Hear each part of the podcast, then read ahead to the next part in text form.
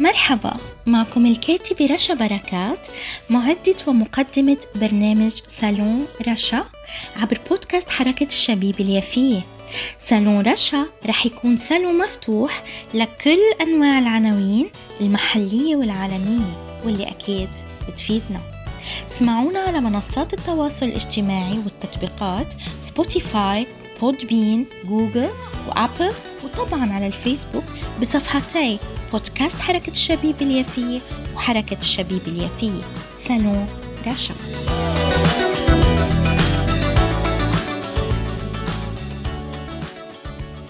أهلا وسهلا بكم أعزائي متابعي كل برامج بودكاست حركة الشبيبة اليافية وكذلك برنامجي سالون رشا.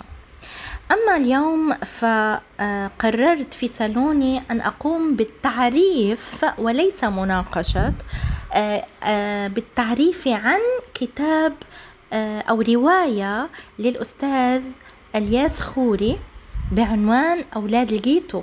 رواية جميلة وممتعة بشدة وهي صادرة عن دار الآداب في بيروت. أما الكاتب الياس خوري فهو روائي لبناني من مواليد بيروت ويؤسفني أن أقول أنه من مواليد سنة النكبة 1948 نكبتنا نحن. وكذلك تمت ترجمة آه، رواياته إلى العديد من اللغات. آه، هي رواية بعنوان أولاد الجيتو آه، وبعنوان صغير أيضا اسمي آدم. إذا هي صادرة عن دار الآداب في بيروت.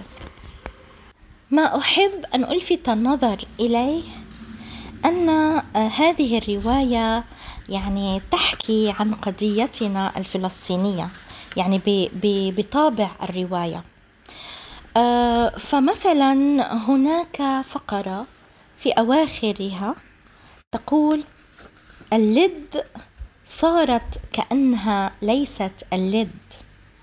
منال قالت إنها لم تغادر اللد إلا بعدما تيقنت من أن اللد هي التي غادرت وصدقتها.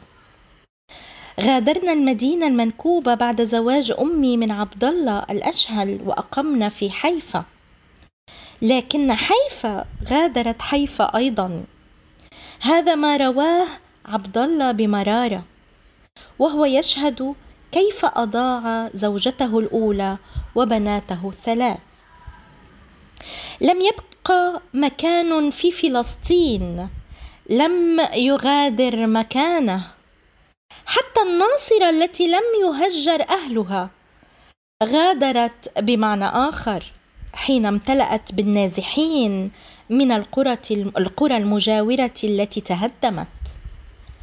ثم ركبتها مستعمرة باسم الناصرة العليا التي بدل أن تكون حاجزا بين الناصرة والهواء بدأت تتحول إلى امتداد للمدينة العربية العتيقة.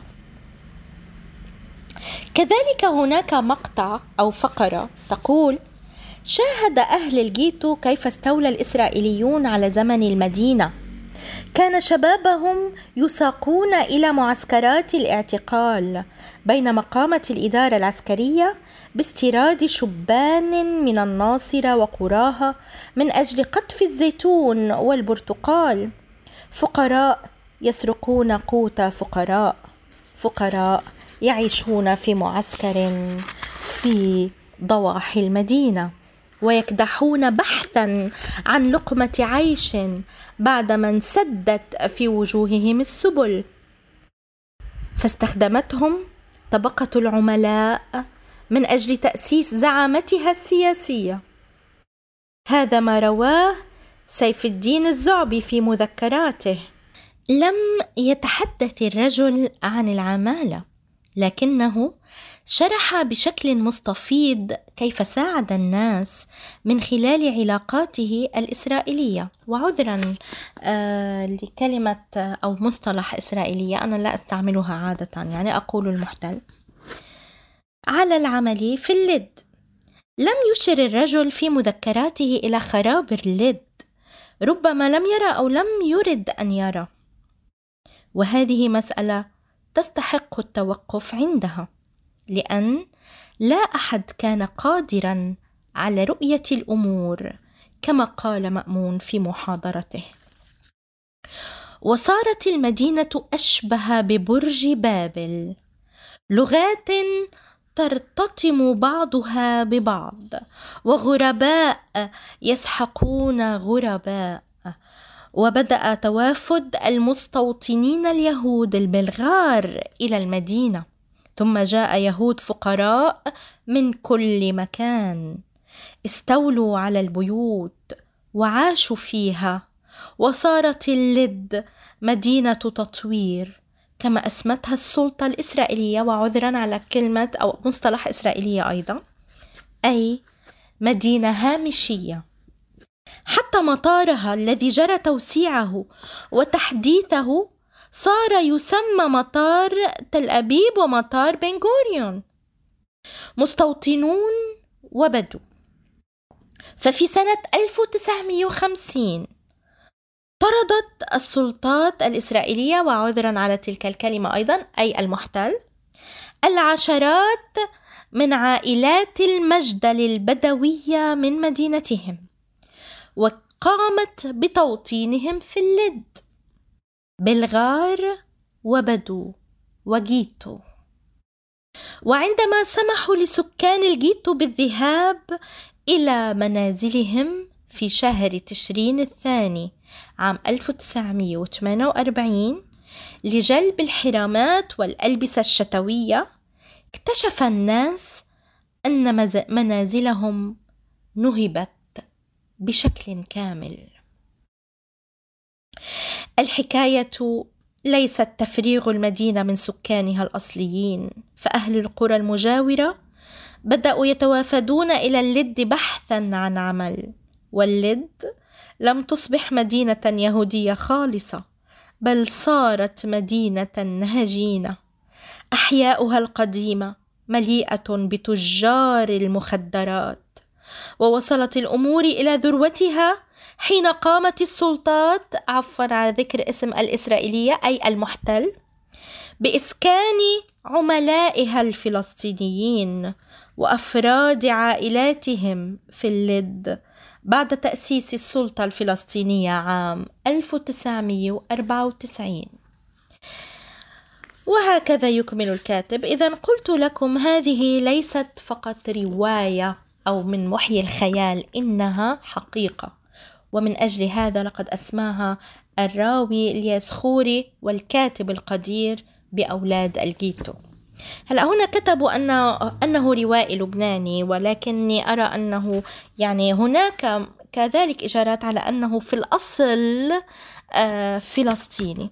لكنني دعني ألفت النظر أيضا إلى أن للمؤلف روايات عدة منها آه، بعناوين مثلا المبتدأ والخبر وهي مجموعة قصص عام 1986 رحلة غاندي الصغير 1989 آه، الجبل الصغير عام 1977 باب الشمس عام 1998 كأنها نائمة 2007 وهكذا. ويعني وله مؤلفات وروايات أخرى.